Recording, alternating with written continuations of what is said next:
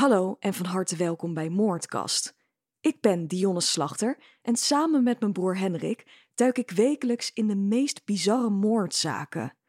Inmiddels is Moordkast al een tijdje exclusief te beluisteren via de app Podimo. Hier op Spotify zie je dus lang niet al onze afleveringen. Wil je nou alles beluisteren? Zorg er dan voor dat je lid wordt van Podimo. De eerste 30 dagen zijn gratis te beluisteren. Ga daarvoor naar podimo.nl/slash moordkast om je via deze weg aan te melden. En wij hopen jullie daar weer terug te zien.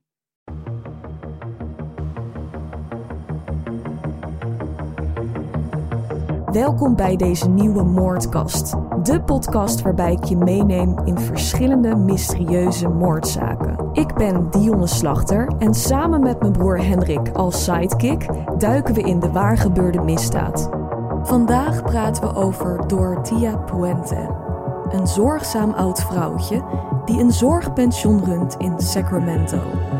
Echter verbergt deze vrouw een groot geheim in haar achtertuin. Niets is wat het lijkt. Van harte welkom bij deze nieuwe aflevering van een nieuwe moordkast. Ik zit hier, verrassend genoeg, naast mijn broer. Hey, ja. Je bent er weer. Ja, gelukkig wel zeg. Ja. Terug van weg geweest. Hoe is het nu met je rug? Ja, op zich gaat het best wel hard vooruit, heb ik het idee. Maar ja, ik moet heel rustig aandoen wat totaal niet lukt. Nee, Ja. je kunt heel veel moorddocumentaires kijken. Ja, we kunnen een hoop eh, afleveringen vullen, wat mij betreft. Dat zeker. En daarover gesproken, de komende afleveringen, ja, er gaat wel iets veranderen. Ja, best wel, ja. Best Ja. wel wat. En eh, nou, ik krijg helemaal kriebel van in mijn buik. Klein bommetje. Klein bommetje. Want wij zijn benaderd door een nieuw platform genaamd Podimo. Een fantastisch platform wat, eh, ja, wat als maker gewoon net wat meer biedt. En we zijn met hun in gesprek gegaan. En we hebben besloten over te stappen van Spotify naar Podimo. Dat betekent dat er natuurlijk wel wat gaat veranderen voor jullie.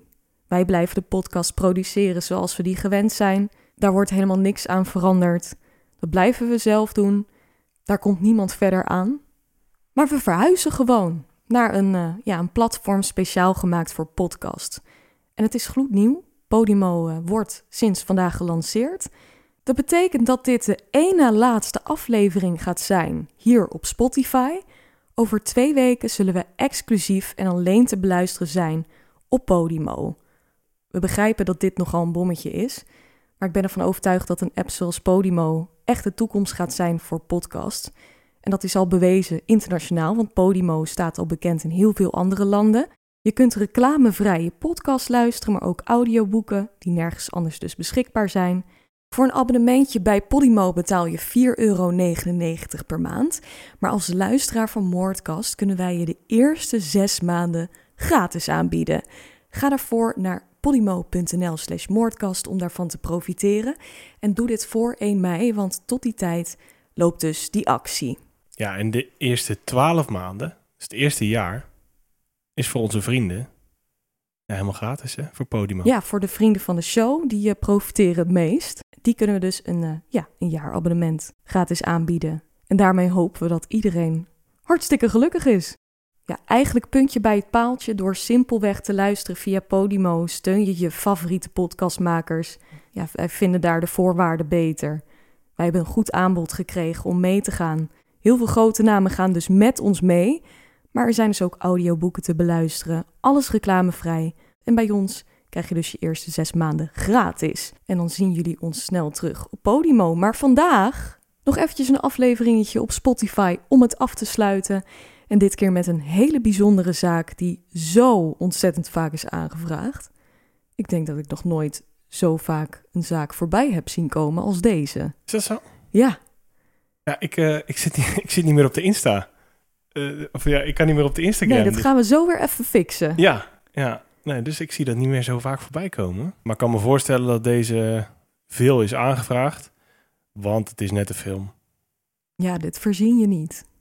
Het is heel bekend geworden dankzij de Netflix-serie Worst Roommate Ever. Die is nog niet heel lang geleden uitgekomen. Ik denk dat daardoor heel veel mensen hierop zijn gekomen.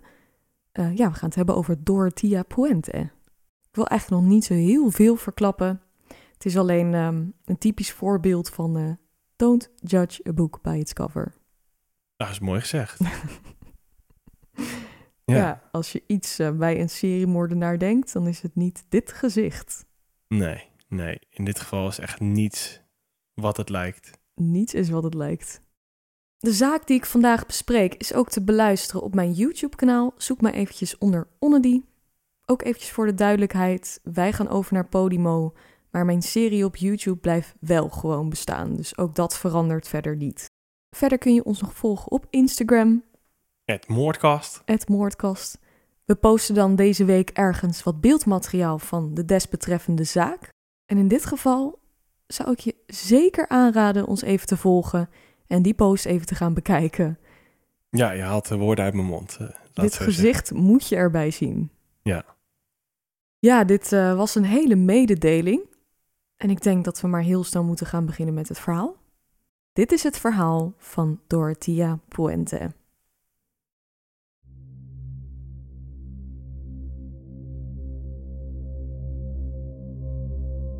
Dit verhaal speelt zich af in Sacramento in 1988.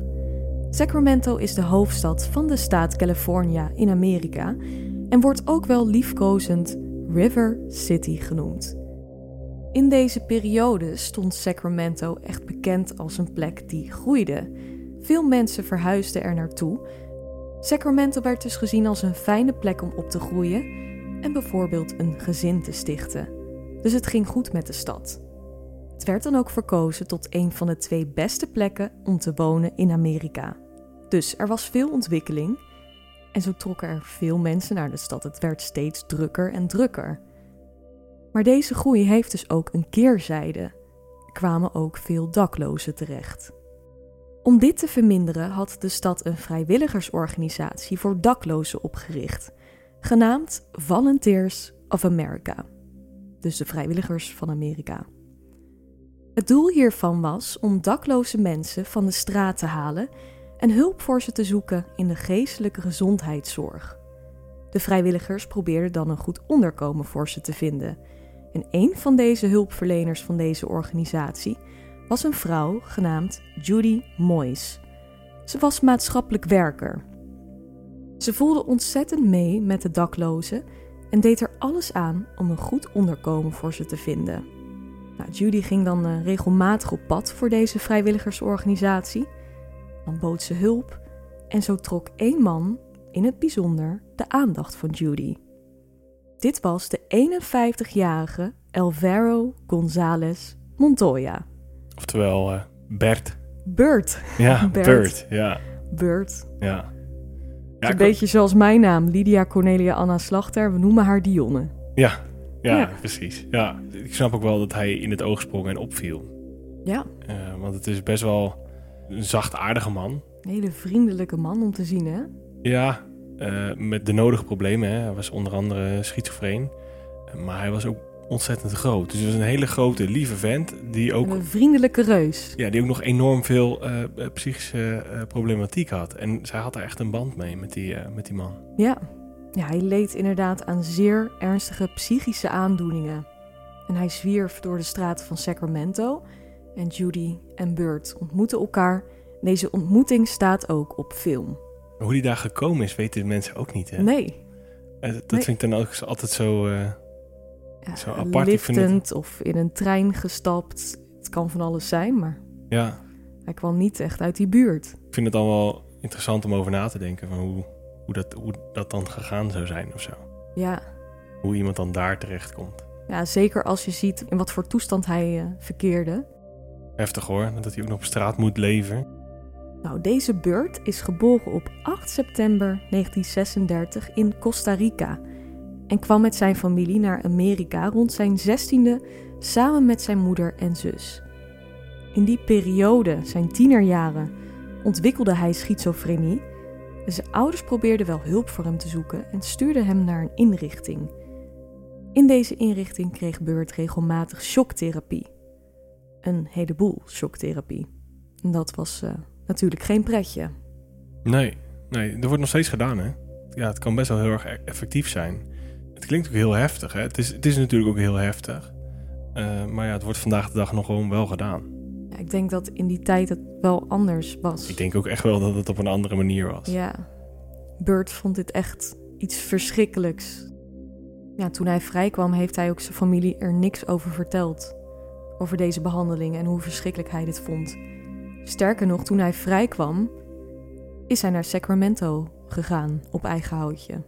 Zou dat dan zijn van, joh, dan, dan doen ze dat niet meer? Ja, dat, dat zou je bijna denken. Hè? Hè? Van, joh, ik, ik heb, ja. Bijna een kinderlijke gedachte.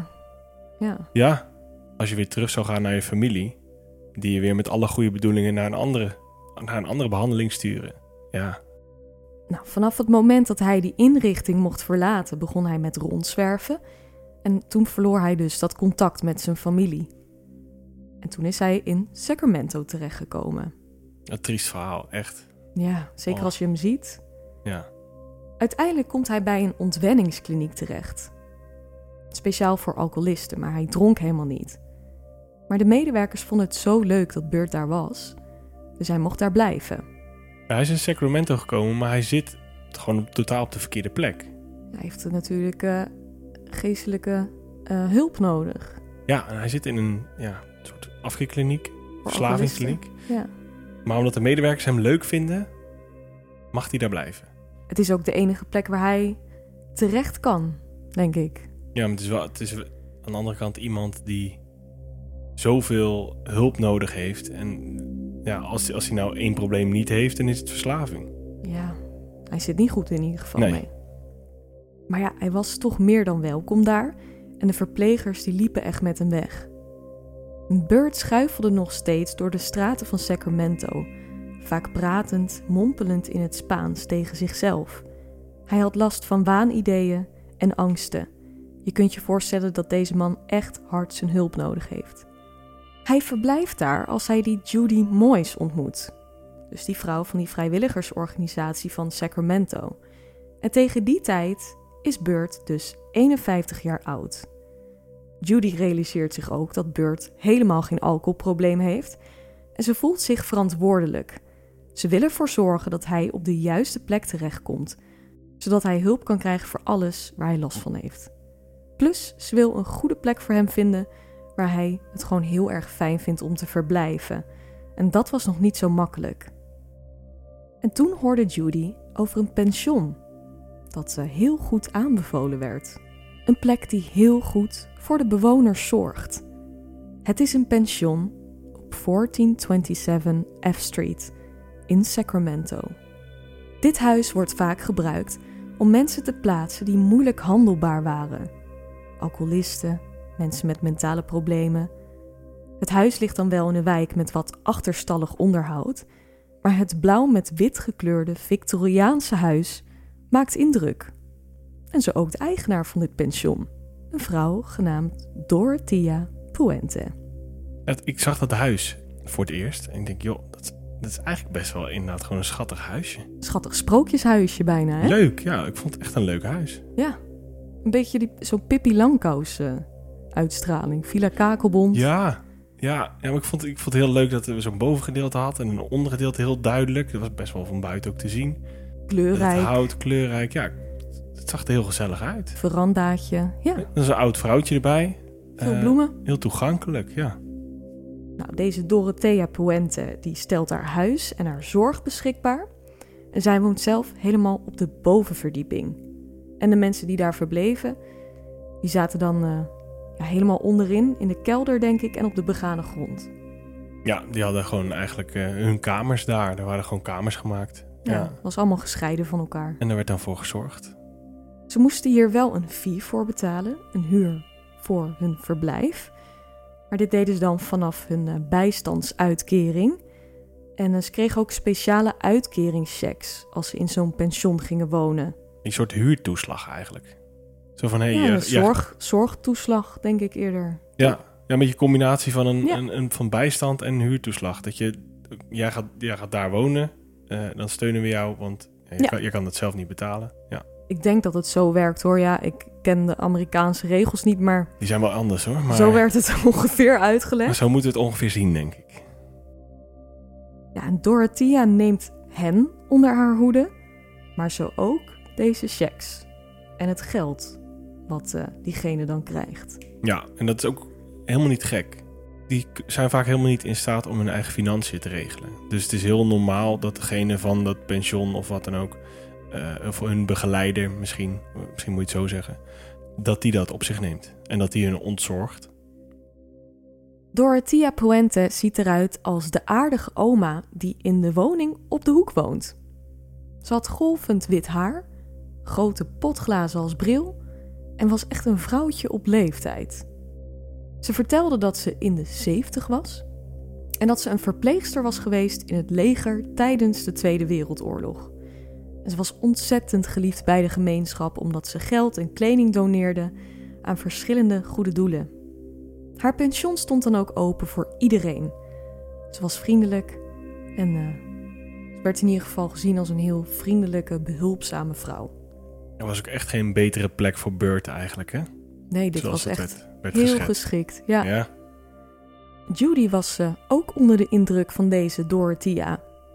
En eh, zij krijgt een rondleiding door het huis om te kijken of dit een geschikte plek voor Burt is. En dan komt ze iemand eh, tegen tijdens die rondleiding. Een man genaamd John Sharp.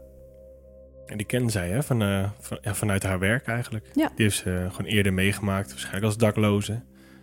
En die woonde daar. En eh, ja, dan, dan is je eerste vraag natuurlijk, joh, eh, hoe is het hier om te wonen?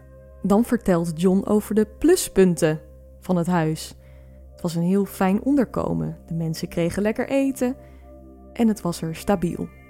Het enige wat Judy nog moest regelen om Burt bij Dorothea in huis te krijgen, was de uitkering die bij Dorothea terecht moest komen. Zij zou dan de begunstige worden van Burt. Ja, er was ook voor de rest helemaal, helemaal geen vuiltje aan de lucht. Hè? Er was ook helemaal geen reden om, om, om iets anders te denken eh, ja, dan, dan dat deze vrouw gewoon de goede, goede intenties had. Dorothea zei ook van, joh, ik hou ervan om mensen te helpen. Eh, ik ben financieel onafhankelijk. Ik doe dit echt omdat ik het leuk vind en omdat dit mijn roeping is. Ja, Ja, en wat er helemaal overhaalde was de, de box met kittens, hè? ja tijdens die rondleiding had ze ook nog een doos met kittens daar staan. En dan moest je wel een goed persoon zijn of zo. Dat, is, dat, eh, ja, dat in combinatie met die, ou, met die oud-cliënt en alles ziet er mooi uit. Nou, Judy heeft die rondleiding gehad. Inderdaad, ze heeft kittens gezien. Ze heeft John Sharp gezien. Eh, de goede, mooie woorden. De uitstraling van het huis. Dorothea Puente. Alles klopt. Dit zou toch een geschikt onderkomen moeten zijn voor Burt. Dan bespreekt ze het met de vrijwilligersorganisatie. En ze krijgt een go. Dit wordt de nieuwe plek van Burt. En na de verhuizing van Burt en in de weken die volgden, verbeterde zijn gezondheid. Zijn haar was gewassen en gekamd, zijn nagels schoon en zelfs zijn kleding was netjes, schoon en gestreken. Burt kon in de nieuwe omgeving en het huis van Dorothea veel beter voor zichzelf zorgen. En daardoor ging hij ook weer zijn medicatie nemen. En hierdoor ging het dus stukje bij beetje steeds beter met Burt. Judy en Burt houden ook contact met elkaar en dan vertelt Burt ook over zijn eigen bed. Hij heeft een eigen lichtstoel, Zijn lichtstoel. Ja, een dat vond ik, televisie. oh. ja, ik vond het zo aandoenlijk. Hij was zo ontzettend blij met zijn lichtstoel. Ja, ach. Van ik heb mijn eigen lichtstoel en hij kan gewoon, ik kan zitten en hij Een kan... televisie kijken. Ja, en dat allemaal voor zichzelf. Ja, Wij beseffen dat ons niet. Dat we... dat het was voor hun helemaal niet vanzelfsprekend, hè? Nee, totaal niet. Zoiets simpels als een lichtstoel en, dat- televisie. Dat, dat, dat stukje autonomie van hey, dit is van mezelf en hier komt eigenlijk niemand aan. Ook al heb je een beetje begeleiding of wat, vind ik... Het is prachtig Ja. om, om dat iemand te geven. Ja, Judy is ook ervan overtuigd, joh, Burt is in goede handen. Eigenlijk telkens als Judy belde, ging het ontzettend goed met hem. Dat ging een tijdje zo door, tot een paar maanden later. Judy checkt weer bij Dorothea hoe het met Bert ging. En dan krijgt ze te horen dat Bert niet aanwezig is. Bert was namelijk vertrokken voor een feestdag in Mexico. En deze mededeling zat Judy meteen niet lekker, want dit zou Bert nooit zomaar doen. Nee, hij is in al die tijd hij nog nooit in het buitenland geweest. Buiten Sacramento, eh, helemaal niet naar eh, Zuid-Amerika. Super raar. Eigenlijk alle alarmbellen gingen direct af bij haar. En dat bleef zo, hè? Want in gesprekken hierna vertelde Dorothea weer aan Judy dat Bert nog steeds in Mexico zat en dat hij heus wel weer terugkomt. Waarschijnlijk een paar dagen later. En dan belt Judy weer en dan worden het weken later. Bert was er nog steeds niet en Judy krijgt er echt een onbehagelijk gevoel bij. Dorothea wuift het maar weg. Joh, volgende week zit Bert gewoon weer hier. Maak je niet zoveel zorgen. Maar zorgen, die had Judy inmiddels wel. Die voelde aan alles dat hier echt iets mis was. En Judy stelt een ultimatum hè, richting Dorothea. Als ik maandag nog niks gehoord heb, dan bel ik de politie. Als hij maandag niet terug is. Ja, en terecht. Nou, dus Judy heeft ermee gedreigd hè, van... hey, als hij maandag niet terug is, bel ik de politie. Ik geef hem op als vermist. Kom alsjeblieft met het echte verhaal, want dit zaakje begint behoorlijk te stinken. Een paar dagen later ontvangt Judy een vreemd telefoontje.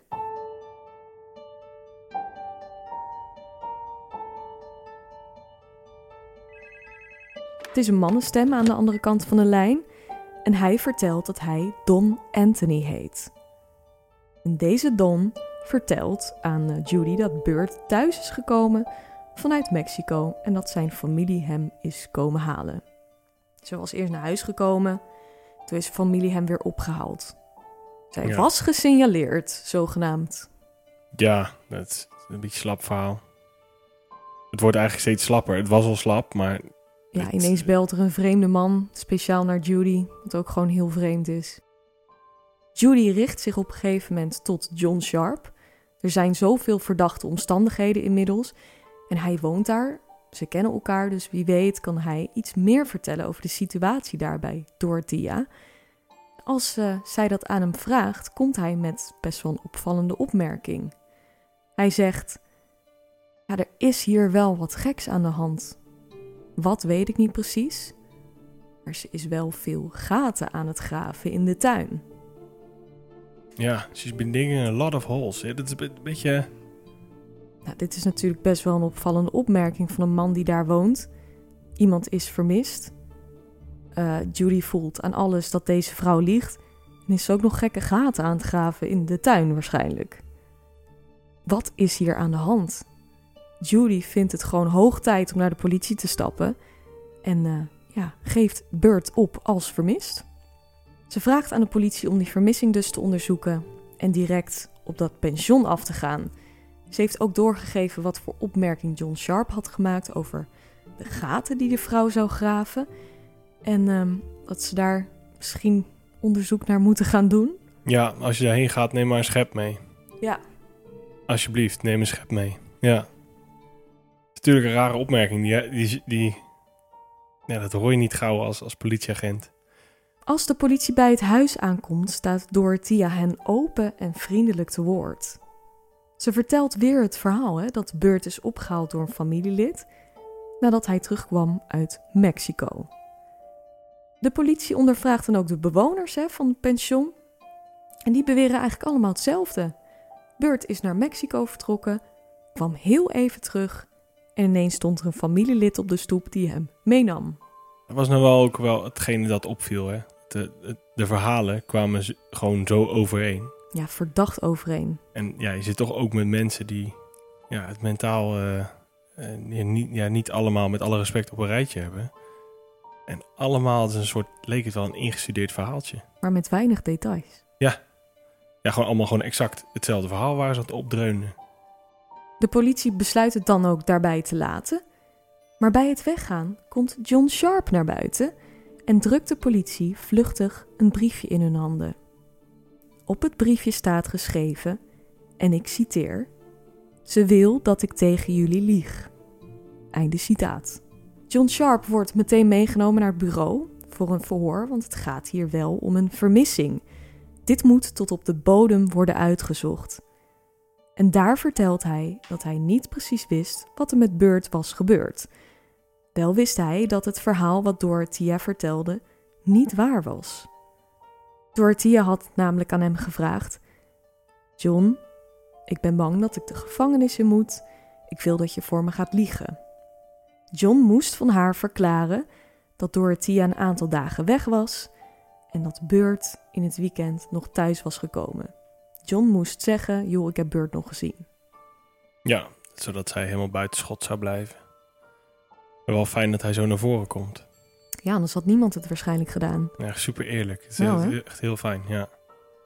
Dus John moest echt gewoon bevestigen wat Dorothea zelf de politie vertelde.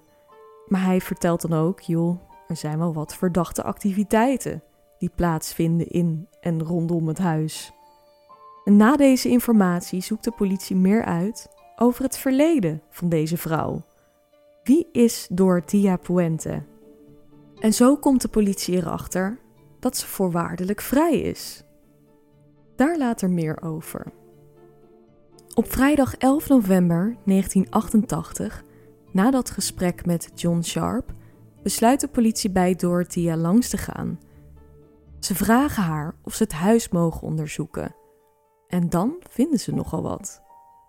Ze vinden bijvoorbeeld door het hele huis vreemde blauwe pillen. En het blijkt dat deze pillen genomen worden door mensen met slaapproblemen. Het soort diazepam. Ehm, eigenlijk heel veel pammetjes. De benzodiazepines. dus mensen die... Ja, me- mensen worden er gigantisch rustig, rustig van. Of het zijn spierverslappers.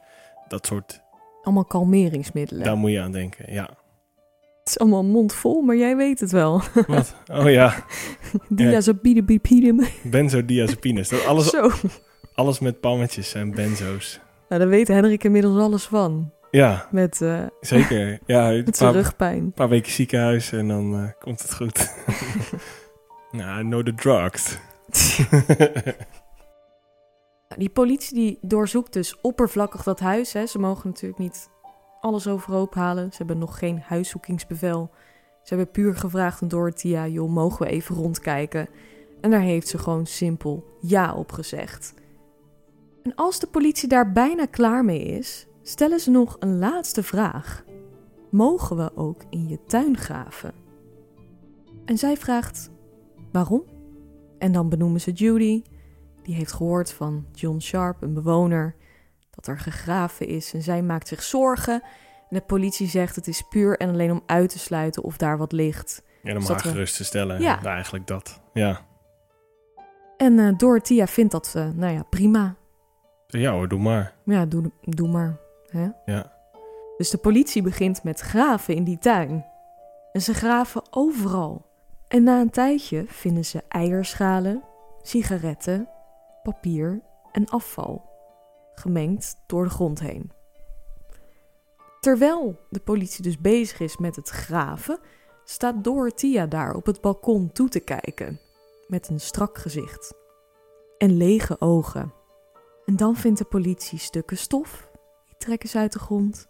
Nog meer afval. Stukken kleding. ja. Stukken leer ook op een gegeven moment, hè? Ja, Je leerachtig spul. ja.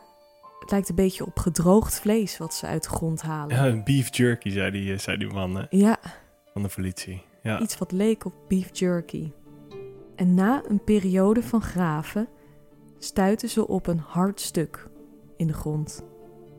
De politie graaft verder tot ze zien wat het is. Het is een menselijk bot. En het gedroogde leer dat ze eerder vonden blijkt later menselijk vlees. En dit blijkt alleen nog maar het begin. De politie brengt Dorothea naar het gat en laat haar het bot zien. Ze schikt en zegt dat ze niet weet hoe het daar terecht is gekomen. Ze vinden uiteindelijk niet alleen één bot, maar een heel menselijk lichaam. En tot dusver in dit verhaal is het nog niet geïdentificeerd. Maar het lijkt er niet op alsof het Beurt is, omdat Beurt was een man van 90 kilo, heel groot en ja, dit was het gewoon duidelijk niet. Nee, het had niet per se de kenmerken van onze beurt. Nou, natuurlijk wordt die vrouw direct meegenomen naar het bureau. Daar vindt een verhoor plaats, maar ze ontkent alles. Ze vertelt de politie telkens opnieuw dat ze geen idee heeft waar de resten vandaan komen. Ze zegt dan, joh, het zal een oud lijk zijn. Van ver voor de periode dat ik hier woonde. Jullie gaan erachter komen dat ik hier niets mee te maken heb. Ja, en ze komt ook wel best wel geloofwaardig over, hè? Er zijn heel veel vragen richting haar en maar weinig antwoorden. Maar de antwoorden die zij geeft, ja, lijkt ze toch echt in te geloven. Ja, maar het is een oud omaatje. Wat denk je daar nog van, hè? Ja, over oud lijk gesproken, hè? Ja, ze reageerde ook heel emotieloos. Het had in ieder geval geen idee wat... eh Ja, maar hoe, moet, ja, hoe, hoe zou iemand reageren als je... eh, nou ja, niet emotieloos. Als ze nu in mijn tuin Ja? een menselijk dijbeen op zouden graven... Nou, emotieloos zou ik niet zijn. Ja, het ligt er ook aan van, van wanneer het dan is. Dus ik snap die vraag dan ook wel. Van, Dat- ik- moet, ja. moet misschien echt een... Ik zou die vraag ook stellen van, joh, ja, hoe lang ligt dat er al? Nou, zij zegt, joh, dat moet wel een oud lijk geweest zijn, want eh, ik heb geen idee hoe het daar komt. Eh, het is geen vers lijk als als alleen de botten en... en Nee, nee. nee, inderdaad. Dus het moet nog blijken allemaal. De volgende dagen daarop gaat de politie verder met het graven in de tuin. En terwijl ze bezig zijn, loopt Dorothea gewoon nog rond in het huis, want ze staat niet onder arrest. Dus je moet je voorstellen, er is wel een lijk gevonden in haar tuin, maar er kan nog geen verband met haar worden gelegd. Dus ja, tijdens die opgravingen loopt het vrouwtje daar gewoon rond. Ik weet niet zeker, maar ik denk wel dat het nu anders was gegaan, hoor. Dat denk ik ook. Als er een lijk in jouw tuin wordt gevonden, dan eh, word je toch vriendelijk verzocht om even ergens anders te verblijven, dat de politie gewoon het onderzoek kan doen voor de Ja, rest. In ieder geval mag je nergens heen. Volgens mij sta je gewoon als verdachte meteen. Ja, zij woont daar natuurlijk, maar zij kan dan ook toezien op het onderzoek. Misschien kan ze dingen nog beïnvloeden of, Ja. of verstoppen of wat. Het lijkt me toch dat je verdachte bent. Ja, Eh, dus wat doet zij daar dan ja, nog? ik vind het ook heel vreemd. Misschien vanwege haar looks, hè, dat ze dacht van goh, dat is een oud vrouwtje. Ze werd al best wel stevig aan de tand gevoeld door zo'n rechercheur. Van de kunstgebied.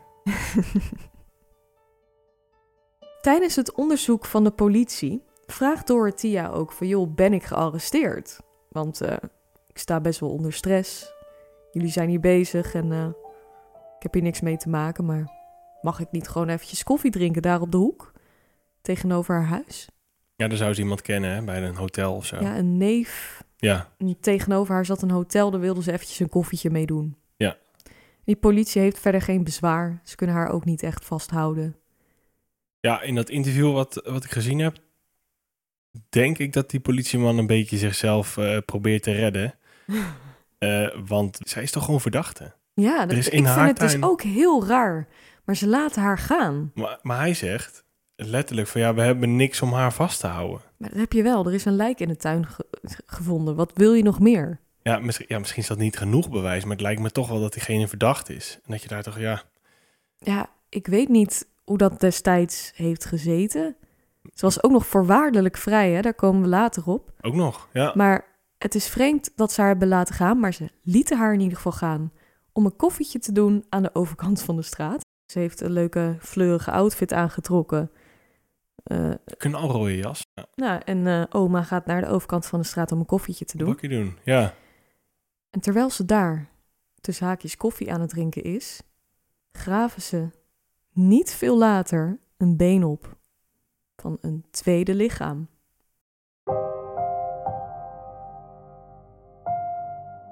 Dus er wordt nu een tweede lichaam ontdekt. En ze hebben Dorothea laten gaan. En die heeft natuurlijk haar kans gepakt om er vandoor te gaan. Want mevrouw zat geen koffie te drinken tegenover in het hotel. nee. En dat is ook de, het punt waar de regisseur denkt, oh, oh shit. eh, Oeps. Was toch wel schuldig, ja. Mevrouw is er vandoor. Ja, die heeft natuurlijk gezien waar ze aan het graven waren en gedacht, oeh, gaan ze een tweede lijk vinden straks? Ja, die heeft het, die heeft het wel, wel aangevoeld. Die dacht van, nou, misschien één lijk, daar kan ik nog een soort van uitleggen. Ja, ja, zoiets. Maar een tweede, eh, ja, ze, ze zag dat ze, dat ze door gingen graven. Ja, precies misschien op de plek waarvan ze dacht, En als je dan weet, er ligt, er ligt een tweede. ja, nou ja, Dat je hem dan peert, omdat je dan misschien nog een soort van kans hebt op, eh, op vrijheid. Maar het is wel meteen een schuldbekentenis. het hoeft natuurlijk niet per se, Ja, maar het, het ligt voor de hand, ja. lijkt me wel. Ja. We duiken even in de achtergrond van deze Dorothea Puente, want wie is ze eigenlijk? Ik zei net al dat ze vrij was gekomen, voorwaardelijk. Dus eh, daar duiken we eventjes in. Het is een ruig leven, kan ik wel zeggen. Nou hè, Zo, veel ups en downs. veel meegemaakt. Dorothea Helen Gray werd geboren op 9 januari 1929 in Californië. Ze was de zesde uit een gezin met zeven kinderen, dus ze was de één na jongste. Wanneer ze nog erg jong is, sterft haar vader aan tuberculose en haar moeder, die met de kinderen overblijft, was verslaafd aan alcohol en mishandelde de kinderen. Een jaar na de dood van haar vader overleed ook nog haar moeder, ten gevolge van een eh, dodelijk motorongeluk. Op vrij jonge leeftijd heeft Dorothea beide ouders niet meer. En als wees versplinterden de kinderen verschillende kanten op. Dorothea werd naar een weeshuis gezonden, tot familieleden haar weer kwamen ophalen. Het schijnt ook dat in dat weeshuis uh, sprake is geweest van seksueel misbruik. Dus, nou ja. Ja, zo verschrikkelijk. Als je plek voor kinderen opricht die op, op hun meest kwetsbaar zijn, zonder ouders. En dan daar nog eens misbruik van gaat maken. Het is sowieso al verschrikkelijk, hè, maar dit is nog wel next level. Toch zie je dit zo vaak ja. ook, hè? Verschrikkelijk. Nou ja, zeker. Ook met de kerk natuurlijk. En ook uh, de verhalen die, die, die stapelen zich alleen maar op. Maar ik kan er zo niet bij dat je dit doet. Nee. Ik, ja.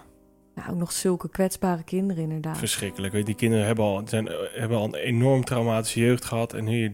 Dit er ook nog bij. Doe nog maar even een paar trauma's erbij. Het is echt verschrikkelijk. Vanaf haar zestiende probeerde Dorothea geld te verdienen als sekswerker.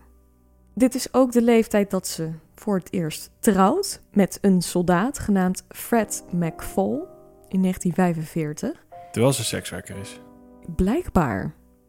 Nou, het viel denk ik niet te combineren, want uh, dit huwelijk was voor korte duur, duurde drie jaar. Ja, Dorothea was niet trouw aan haar echtgenoot. Misschien door het seks. Ja, door ja, het dat is lastig. Dat is ja. lastig als je dat werk doet. Ja. ja. Maar ook gaf ze behoorlijk wat geld uit. En vooral zijn geld ging er doorheen. Dus je kunt je voorstellen dat er wat uh, spanningen ontstonden. Na deze scheiding ontwikkelt Dorothea zich als heuse draaideurcrimineel. Op haar negentiende wordt Dorothea veroordeeld voor het vervalsen van checks. Ze moest daarvoor zes maanden naar de gevangenis. Ze fixe straf voor. Uh... Ja, ligt eraan hoeveel checks je hebt, ja, dat ligt er natuurlijk, aan. Ja. Wel weer die, die, die checks, hè?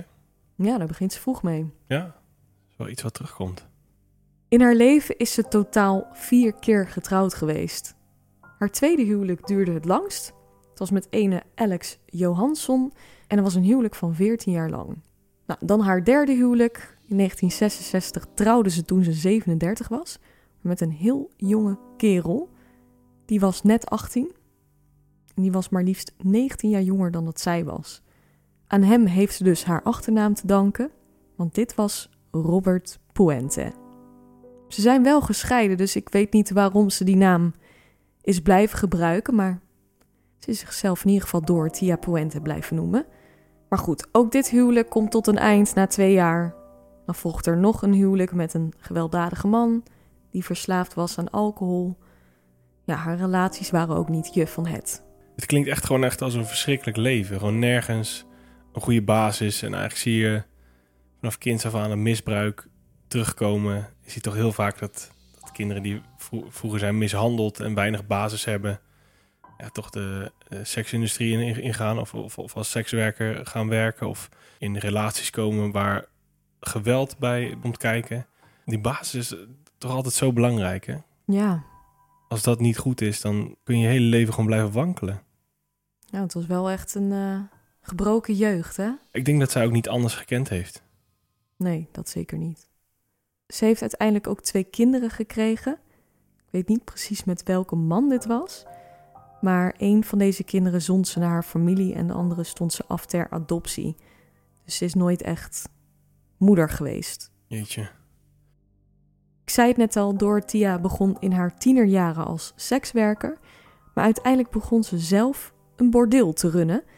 En in 1960 werd Dorothea hiervoor gearresteerd. Ook voor het zijn van sekswerker, want beide was illegaal. Is illegaal, in ieder geval. Ze werd hiervoor veroordeeld tot 90 dagen in de gevangenis. Haar vergrijpen nemen vanaf hier extremere vormen aan. Haar misdaden, die werden grimmig en onschuldige kwetsbare mensen werden daar het slachtoffer van. Dorothea begon namelijk te zorgen voor ouderen en gehandicapten aan huis. En dan deed ze zich voor als dokter, terwijl dat was ze helemaal niet. Ze deed er alles aan om geloofwaardig over te komen. Dan had ze een dokterstas bij zich met alle benodigdheden, alle instrumenten en zo ook medicijnen die ze toediende. En dit waren slaappillen. Nou, die uh, gaf ze haar klanten. Als die dan wakker werden, was er van alles uit huis verdwenen. Dorothea had hun bezittingen gestolen: sieraden, geld, checks. En die checks die misten uit hun huis, die waren geïnd door niemand minder dan Dorothea. Dus de bank had dat dan. Ja, dan laat je toch ook een enorme. Is bewijs, ja. Ja. Je laat een enorme zo'n paper trail laat je gewoon achter. Ik denk, waarom? Heel, heel doordacht waren die daden niet. Nee, dat blijkt, want ze komt vast te zitten voor vijf van deze misdrijven. Ik denk dat er nog veel meer waren, maar in ieder geval voor vijf van deze misdrijven is ze veroordeeld. Ze krijgt een gevangenisstraf van vijf jaar opgelegd. En dat is hetgene waar ze dus voorwaardelijk uiteindelijk voor vrij is gekomen. Ah, en dan begint het, de rest van de ellende. Pension. Ja. Ja, want ze was natuurlijk buitenshuis, was ze uh, een verpleegster. Mhm. En nu denkt ze, misschien val ik minder op als ik dat gewoon, als ik, als ik dat zelf allemaal ga runnen. Zoals mensen bij mij komen. Ja. Ze gaat steeds een stap verder hè, in haar uh, gedrag. Ja, dat zie je wel heel erg duidelijk. Hè? Als, je, als je haar tijdlijn, haar levenslijn ziet. Dat inderdaad, het ja, stapelt het, steeds verder. Het begint met vervalsen van checks. Ja. Ja, het begint alle, allereerst met een mega rotte basis. En dan... Uh, ja. Maar in, inderdaad, qua criminaliteit zie je het... Uh, het echt een beetje van een beetje kruimeldiefstal naar, naar, naar steeds erger gaan. Ja. ja. Tot zover door Tia Puentes verleden. Dorothea is dus op de vlucht geslagen. Daar waren we gebleven. Ze is verdwenen en de politie had dus net een tweede lichaam opgegraven. En er gaat meteen een opsporingsbevel uit. En in heel Amerika werd naar de vrouw uitgekeken. Elke eenheid werd opgetrommeld en natuurlijk werd de zaak breed uitgemeten in de media. En mensen zien dan de foto hè, van Dorothea op het nieuws. Ja, maar kan niet missen. Ja, Terwijl Dorothea werd gezocht, wordt er een derde lichaam opgegraven. Het lag wederom in haar tuin, gewikkeld in wat dekens en plastic. En wat opvalt is dat het hier gaat om een groot persoon. Deze persoon moet meer dan 90 kilo hebben gewogen. Een kenmerk, wat zou passen, bij Beurt. En ze besluiten echt die hele tuin dan overhoop te halen. Alles wordt doorgespit. Het is ongelooflijk, maar de politie blijft lichamen vinden. Er duikt een vierde op, een vijfde, een zesde en zelfs een zevende lichaam. En het derde lichaam wordt uiteindelijk geïdentificeerd als zijnde Beurt. Bizar hè? dat je op zo'n klein tuintje. Ja, het was een klein tuintje. Wat is het? 20 vierkante meter? Iets meer misschien. Zeven lichamen. Bizar. Ja, echt, echt bizar. En toen dachten ze, want ze hadden die zevende te pakken. Die tuin gaan we nog eens helemaal omspitten, want je weet niet wat er nu nog meer ligt. Maar bij zeven is het gebleven. Hè? Bij zeven is het inderdaad gebleven. Ze hebben alles omgehaald. Bij de vrouw die zo hoog aangeschreven stond in de, in Oude de vrouwtje, dat witte gekrulde haar. Ja, die de bloemetjesjurken. De vrouw die je achter de geraniums verwacht. Die zou bij wijze van spreken bij een rukwind zou ze, zou ze de heup breken. Zeg Ja, Bizar, hè? Ja, heel bizar. Ik denk dat mensen ook zo hebben gereageerd daar. Gewoon sprakeloos. Ja, ik ook. Ja. En dat maakt dit, dat maakt dit verhaal ook zo bizar. Ze zoeken natuurlijk niet alleen in de tuin, maar ook door het huis. En dan vinden ze een kalender waarop Beurt ook beschreven staat. Hè, van Beurt is vertrokken, Beurt kwam terug. Alsof de politie daarin zou trappen en zou denken, nou, nu zijn we klaar. Het staat op de kalender, dus uh, deze vrouw zal wel gelijk hebben. Ja, het is een geloofwaardigheid creëren. Ja, ze heeft overal aan gedacht. Nou, ook die bewoners worden nu officieel ondervraagd. Ze leggen allemaal een verklaring af. En eh, John Sharp ook natuurlijk, die hebben we al eerder in het verhaal gehoord. En hij had op de verdieping van Dorothea Puente, de tweede verdieping, wel eens wat geks geroken in de buurt van haar keuken. Naast haar keuken was een ruimte, een kamertje. Dat was een beetje de richting waar die gekke geur vandaan bleek te komen. Ja, het moest daar vandaan komen. En hij identificeerde dat als... Ja, hij zegt dat is gewoon lijkenlucht. Hij had ooit gewerkt in een mortuarium. Ja. Dus hij ke- herkende de geur van de dood. En ja, ja dit is... Die vergeet je ook niet als je die eenmaal hebt geroken. Eh, dus ja, Dit was die geur. Als die politie die tweede verdieping doorzoekt, die verdieping waar Dorothea woonde, kijken ze dus ook in dat kamertje naast de keuken. En daar liggen twee tapijten gestapeld op elkaar. En wanneer ze deze tapijten omhoog trekken, zien ze daar allemaal vlekken die helemaal in het hout zijn getrokken. Dit blijkt verrot lichaamsvocht te zijn geweest. er kwam ook een partij stank vanaf. Hè. Dus Ja, niet- verschrikkelijk. Niet normaal. Ja, Het was trouwens bewerkt met witte poederloog ja logen. om het ja. te maskeren. Een heel bekend eh, middel. Voor, Speciaal voor dit soort. Ja, loog. nee, ja. Ja, loog wordt gewoon heel, heel, erg veel, eh, heel erg veel gebruikt door moordenaars. Die, die, die een lijk willen wegwerken of, of eh, ja. In ieder geval, Dorothea zou deze witte poederloog hebben gebruikt om de vlekken te maskeren. Nou, als de lichamen worden onderzocht, blijkt dat een aantal van deze lichamen al jaren geleden begraven moeten zijn geweest. Sommige waren recentelijk begraven. Dorothea betaalde blijkbaar klusjesmannen en ex-gevangenen om die gaten te graven in haar tuin tegen betaling. Niemand heeft zich verder afgevraagd waarom ze dat deed. Dus dit liet ze ook vaak doen. Ja, ik denk misschien ook wel dat ze misschien nog iets had tegen diegene. Ja, en dat zijn toch ook vaak mensen die niet heel erg gauw naar de politie gaan. Hè? Nee, dat ook niet. En heel eerlijk, wat denk je er nou achter als je Dorothea Puente ziet? Ja, als de, als de zoveelste keer is dat je zo'n gat moet gra- graven waar een lichaam in past. Ja, je gaat wel vragen Maar- stellen. Ik denk dat ze telkens iemand anders vroeg. Ja, maar wel telkens iemand anders die nooit naar de politie zou gaan. Nee, dat is waar. Of waar ze misschien wel informatie over had. Van joh, ja, Nou ja, je kunt je voorstellen, iemand heeft zogenaamd ja, indirect geholpen met het, wegwerken van een lichaam. ja accessory. Dus Ja. ja, ja. Ook al wisten ze dat niet, maar ja ze zouden het toch tegen hun kunnen gebruiken. Dat zullen we ook niet weten. Ook vond de politie een boek genaamd Drugs and Their Effects. En ze dachten dat dit het tussen haakjes het kookboek was van Dorothea. Ze vonden ook nog een vervalst rijbewijs. Dorothea gebruikte dit en had haar eigen foto op dat rijbewijs geplakt. Blijkbaar was dit het rijbewijs van een van haar slachtoffers. Daarmee kon ze blijkbaar checks innen. Dus ehm, Ja, ze kon sowieso die checks in. Hè. Ze was gewoon begunstigde van die... eh, Ja, maar blijkbaar was dus, denk ik, bij een van die slachtoffers het nodig om een identiteitsbewijs te laten zien. En daarvoor had ze in ieder geval, om iets te kunnen innen, zo'n identiteitsbewijs van een haar- van haar slachtoffers eh, vervalst. Je had dan ook nog papieren eh, documenten, papieren rijbewijs. Of, Ja. iets van die, ja, ik weet niet of dat in Amerika toen zo was. Geplastificeerd, hè? Nou, dus kon je heel makkelijk een, een, een pasfotootje overheen eh, doen. Met zo vaak zat een ringetje doorheen. Ja, weet oh ja, ja. De politie kwam erachter dat eh, Dorothea al die tijd het geld incasseerde van niet alleen haar huidige bewoners, maar ook de oude bewoners die inmiddels overleden waren. Dus de bewoner die ze vermoord had, daar inden ze ook nog al die tijd hun checks van. Ja, zolang je begunstigde bent.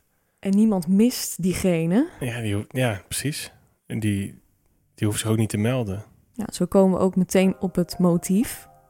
Dit bracht uiteindelijk zo'n 5000 dollar per maand op. In 1988. Ja, dat is een hoop geld. Dat is echt een hoop geld, ja. Zij maakte misbruik van de isolatie en situatie van de mensen die ze in haar huis had opgenomen. Het waren vaak mensen zonder contacten, weinig familie, vrienden. Ja, niemand zou ze missen. precies. Op ja. één iemand na en dat was Burt. Die Ja. had Judy achter haar staan. Nou, Ja, die had het even niet verwacht dat, dat er een, een vrijwilligster was die die Eigenlijk zich lastig zo- kwam doen. Ja. zich zo vastbeet. En dat dat je. Ja, dat dat het einde was.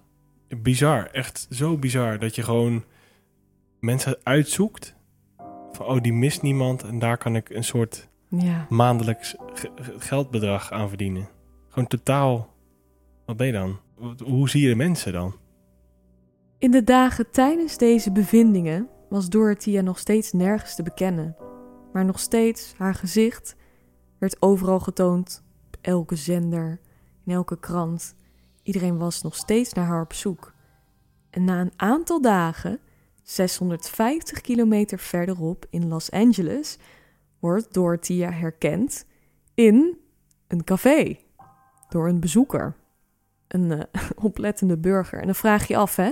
Je wordt gezocht, je foto, je hoofd wordt eh, door heel Amerika nationaal overal getoond in de media en jij gaat gewoon gerust eventjes in een café zitten.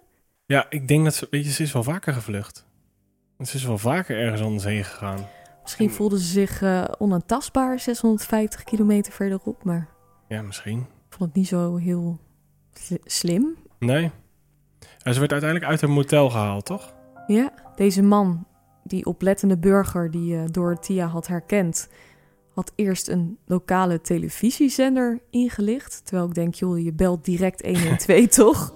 Ja, ik weet niet. Misschien nog een slaatje uitslaan. Ja, ik denk het. En Mensen denken uiteindelijk... meteen aan geld, hoor. Dat is niet normaal. Nou, echt walgelijk eigenlijk. Ja, Maar goed, uiteindelijk wordt de politie benaderd en zij traceren het motel waar ze in slaapt.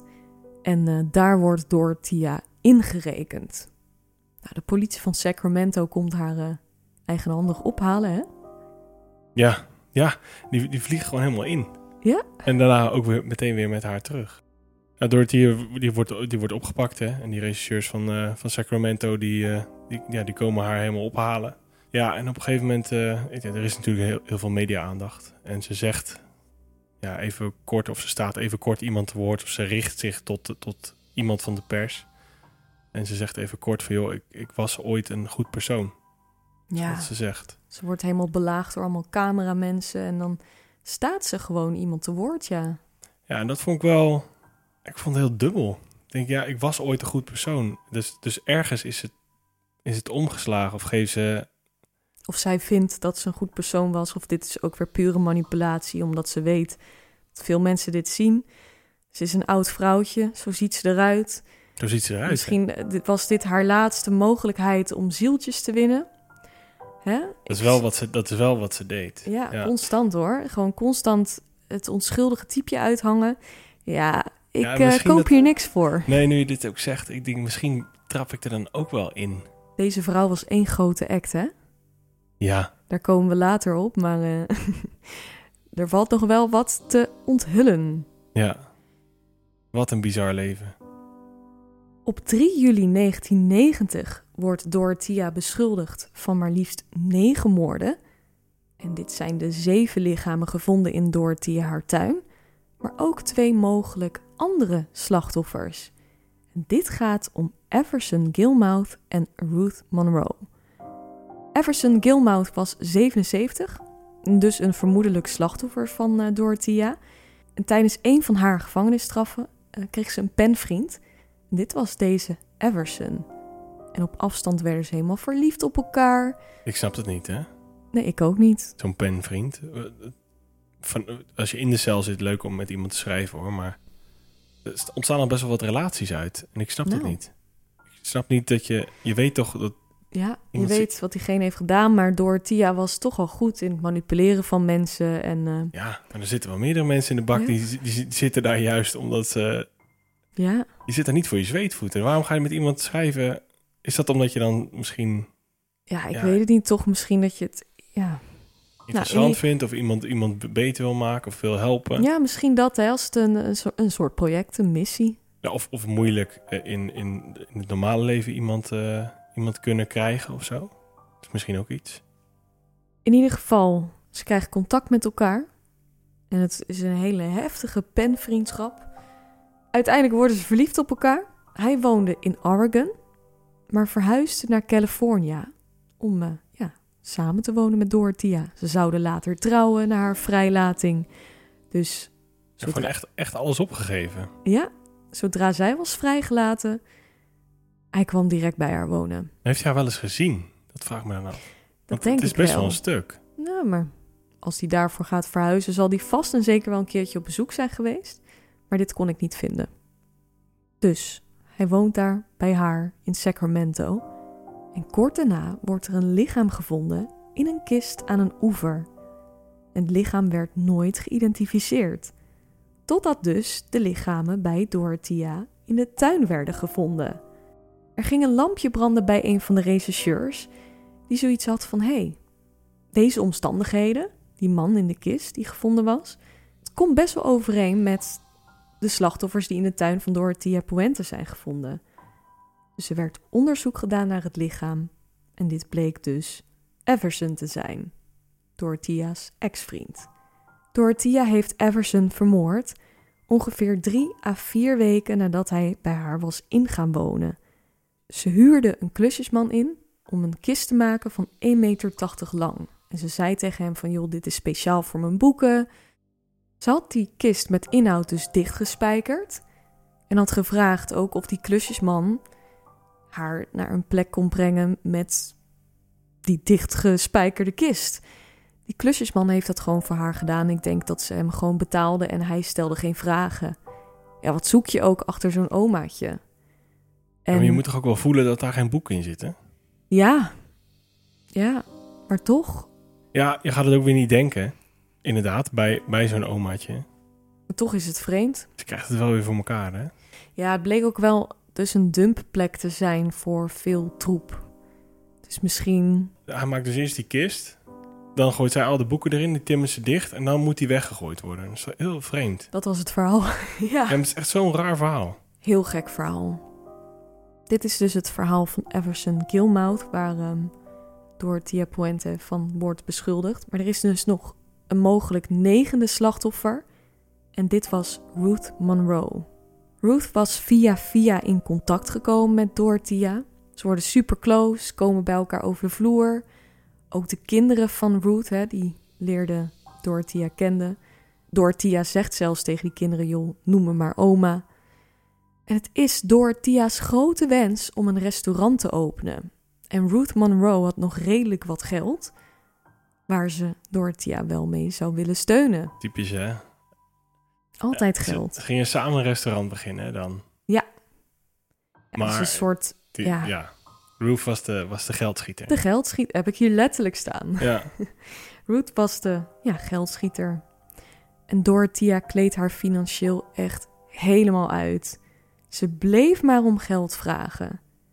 En als de partner van Ruth overlijdt, besluit Ruth bij Dorothea te gaan wonen. Dus ook weer in datzelfde huis.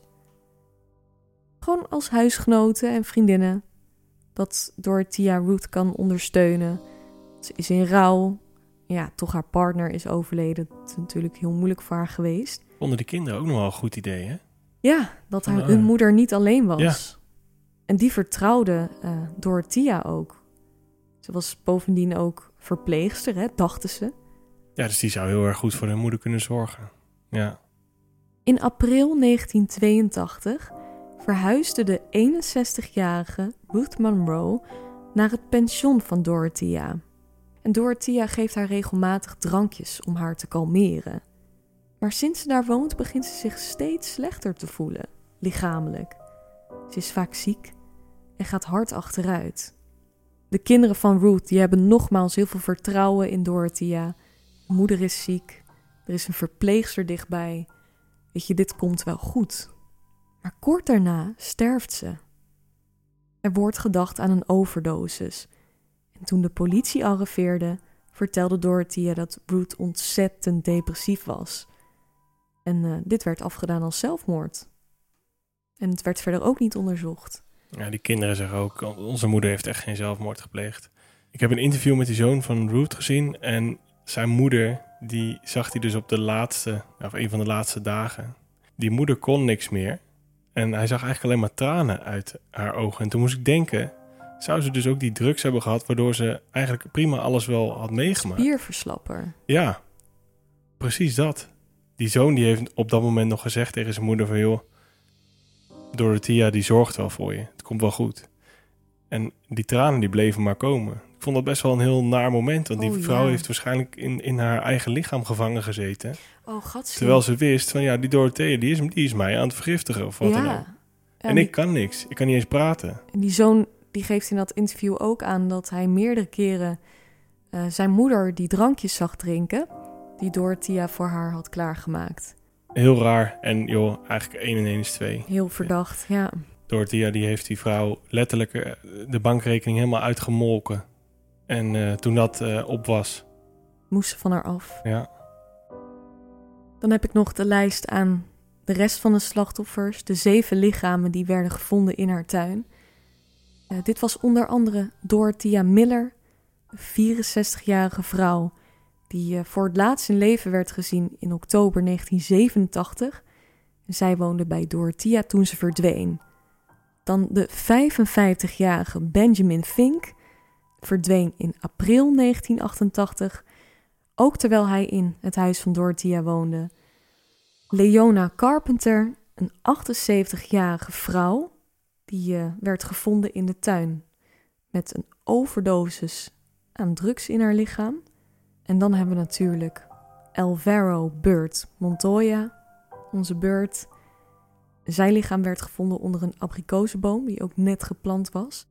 Ja, ze deed er alles aan om het letterlijk te verbloemen. zo verschrikkelijk toch? Nou, Zou me dan, vraag me dan ook af, wat als je die abri- abrikozen later kan plukken, zou ze die zelf eten? Of zou ze die weggeven of zo? Het heeft, het heeft, ze- die boom heeft ze dan toch gevoed met, Ja, haar slachtoffers, letterlijk. ja toch? Ja, Ik vind het heel naar. heel luguber. Volgende slachtoffer is Betty Palmer, een 78-jarige huurster. Zij woonde ook in het pension van Dorothea en zij was degene eh, waarvan Dorothea haar ID-kaart had vervalst. Dan hebben we nog James Gallup, een 62-jarige huurder. Hij werd als vijfde gevonden in haar tuin. En als laatste Vera V. Martin, 64-jarige bewoner. En onderzoekers denken dat zij zelfs levend begraven is, omdat er patronen in de grond rond het lichaam werden gevonden, waardoor het leek alsof ze Nee, ja, dat ze in de grond, heeft. ja, dat ze in de grond heeft gegrepen, dat ze nog geprobeerd heeft daar weg te komen. Jeetje. Dus daar waren sporen van. Haar polshorloge eh, tikte nog toen ze werd ontdekt. Op 9 juli 1992 begint de rechtszaak en Dorothea houdt vol dat ze niemand heeft vermoord. Ze zegt dat ze alleen het geld inde. Dat is het enige wat ze toegeeft. De huurders waren inderdaad gestorven, maar aan een natuurlijke dood, volgens Dorothea. Ze waren ziek geworden of waren overleden aan een overdosis, maar met de dood zelf had zij niks te maken. Ze had ze alleen begraven. Alleen dat. En ze had niet de politie durven bellen vanwege haar voorwaardelijke vrijlating. Uiteindelijk komt ze voor een jury te staan en die besluit haar schuldig te pleiten aan moord met voorbedachte raden. Ze kreeg levenslang zonder kans op vervoegde vrijlating. En Ze werd maar veroordeeld voor drie moorden en voor de overige zes kon de jury geen overeenstemming vinden. En daarvoor werd ze niet veroordeeld en dat is wel ontzettend frustrerend. Het is heel wrang, hè? Want het er zijn zes mensen, ja, Die die geen gerechtigheid kennen eigenlijk. eigenlijk wel. En zes, zes families of zes groepen nabestaanden, zeg maar. Dit dat is, wat ik al zei, heel wrang. Een van die zes, dat was trouwens Beurt. Daar is ze dus niet voor veroordeeld geweest. Ach ja. Er was één jurylid, ja, die, die was dus niet overtuigd. En een jury moet unaniem zijn. En in dit geval eh, zorgde dat voor geen gerechtigheid eigenlijk voor zes eh, groepen nabestaanden. Ja, er was één jurylid inderdaad die twijfelde hè, aan haar. En begon te geloven dat sommige huurders op een natuurlijke wijze waren gestorven. Hij wilde haar niet schuldig verklaren voor meer dan drie van de moorden. Ik kan me ook wel voorstellen, want zij, zij zegt ook op een gegeven moment in die camera, zegt zij... Ik was ooit wel een goed mens. En ik was, ik was eigenlijk best wel bereid om haar daarin te geloven. Ja, maar je zwicht voor haar looks, hè? Het is gewoon echt een oud omaatje wat je ziet. En je hebt gaandeweg ook wel een beeld van deze vrouw. Op de foto's zie je echt iemand op leeftijd, een omaatje. Nogmaals, ze is grijs, de haren gepermanent, draagt kleding met bloemetjes, jurkjes. Echt hoe een oude vrouw zich zou kleden. In de tijd dat ze het pension runde, beweerde ze tussen de 64 en 70 jaar oud te zijn. Als je haar ziet, geloof je dit meteen. Echter was dit slechts een dekmantel. Dorothea was in werkelijkheid, toen ze werd gearresteerd, een heel stuk jonger. Ze was nog maar 58 jaar oud. Ze speelde een rol. Niemand zou een oud vrouwtje verdenken. Ja, dat is toch gewoon bizar. Dat, dat je zo'n rol aanmeet als soort oude oma om een... Hè? Om, om geloofwaardig over te komen of zo? Echt een wolf in schaapskleren. Ja, niet normaal. Dit is de rol van haar leven geweest. Maar ja, en voor de anderen de dood. Dat is echt... Bizar, hè?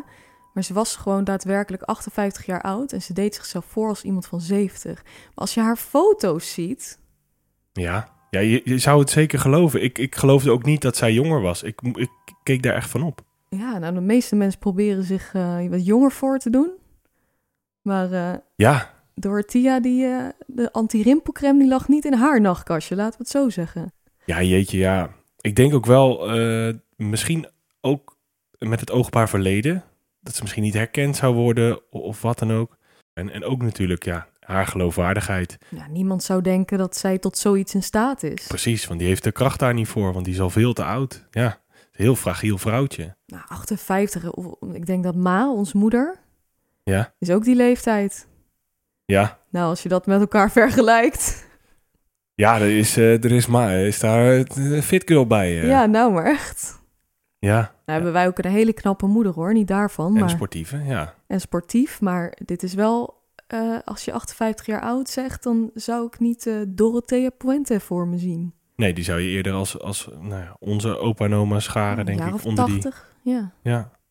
Ja, en dan motief was wederom geld. Haar hele leven stond in het teken van geld aftroggelen van alles en iedereen.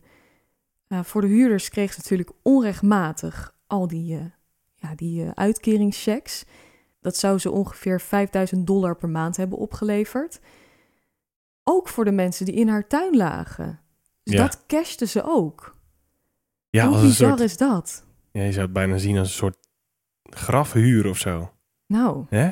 Heel, heel, heel nou iets. ja, nu het zegt. Dat ze even de tuin inloopt, jongens, bedankt. En ehm, Ik heb weer jullie eh, uitkeringschecks geïnd. ja, ze heeft echt gewoon... Ja, je had het net over wolven en schapen. Ja, wolven vallen schapen aan. Eh, zij heeft echt als een wolf gewoon een schaap aangevallen die geen kudde had. Waar, waar gewoon totaal geen ander schaap naar omkeek. Ja, precies. En ja, die heeft ze gewoon laten verdwijnen. En toen was er weer een kamer vrij. En toen kon er weer extra verdiend worden. Ik denk op een gegeven moment ook wel dat ze, dat ze een soort kick ervaarde. Want Ze kwam er ook lang mee weg, hè? Jarenlang. Ja, dit is ook gewoon het eerste waar ze langdurig mee wegkwam. Normaal werd ze toch al snel gepakt. ja, en dat vind ik ook zo heel raar. Want ze had, ze had best wel wat acties. Ehm, ze, had, ze, had, ze had een man uit een bar meegenomen. Hè? En die had, die had ze gedrogeerd. Die kon precies zien wat zij deed. Eh, en die is daarna naar de politie gegaan. Toen is ze opgepakt. ja, nog hele- meer mensen. Ze heeft heel veel ouderen en gehandicapten zo op die manier bestolen. Heeft ze slaapmiddelen toegediend. Daar heeft ze ook vijf jaar voor gezeten. Dat Ja. was allemaal heel ondoordacht. Hè? Ja, ja, maar hoe kan zo'n iemand zo'n pension openen? Vraag ik me ook af. Wordt het dan niet gecheckt? Er moet toch een soort background check komen, zou je denken. Dat vind ik dan wel raar. Dat, dat zou haar parole officer misschien gedaan moeten hebben, toch? Want die Nou ja, wist... precies. Je zou toch denken, zo'n iemand mag de zorg niet eens meer in. Nee, nee. Hè? Nee, maar goed, de- de- eh, zij veranderde wel haar achternaam ook de hele tijd. En de politie, zei, de politie kwam ook haar pas op het spoor toen ze haar konden linken aan Dorothea met een andere achternaam. Oh, dus ze stond niet als Puente geregistreerd waarschijnlijk. Nou, ik denk niet voor de parole officer. Daar zal een andere achternaam misschien bekend zijn geweest. Zij heeft heel veel achternamen gebruikt. Ik vind het echt heel vreemd. Het blijft gewoon super vreemd. hoe, eh, hoe zij dan toch weer met ja, dit soort mensen mocht werken. Ja, Hè? ik denk wel dat zij daar een, ja, het een beetje misplaatst talent in heeft.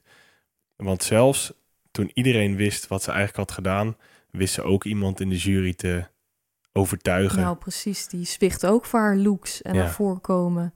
Ja. Ja.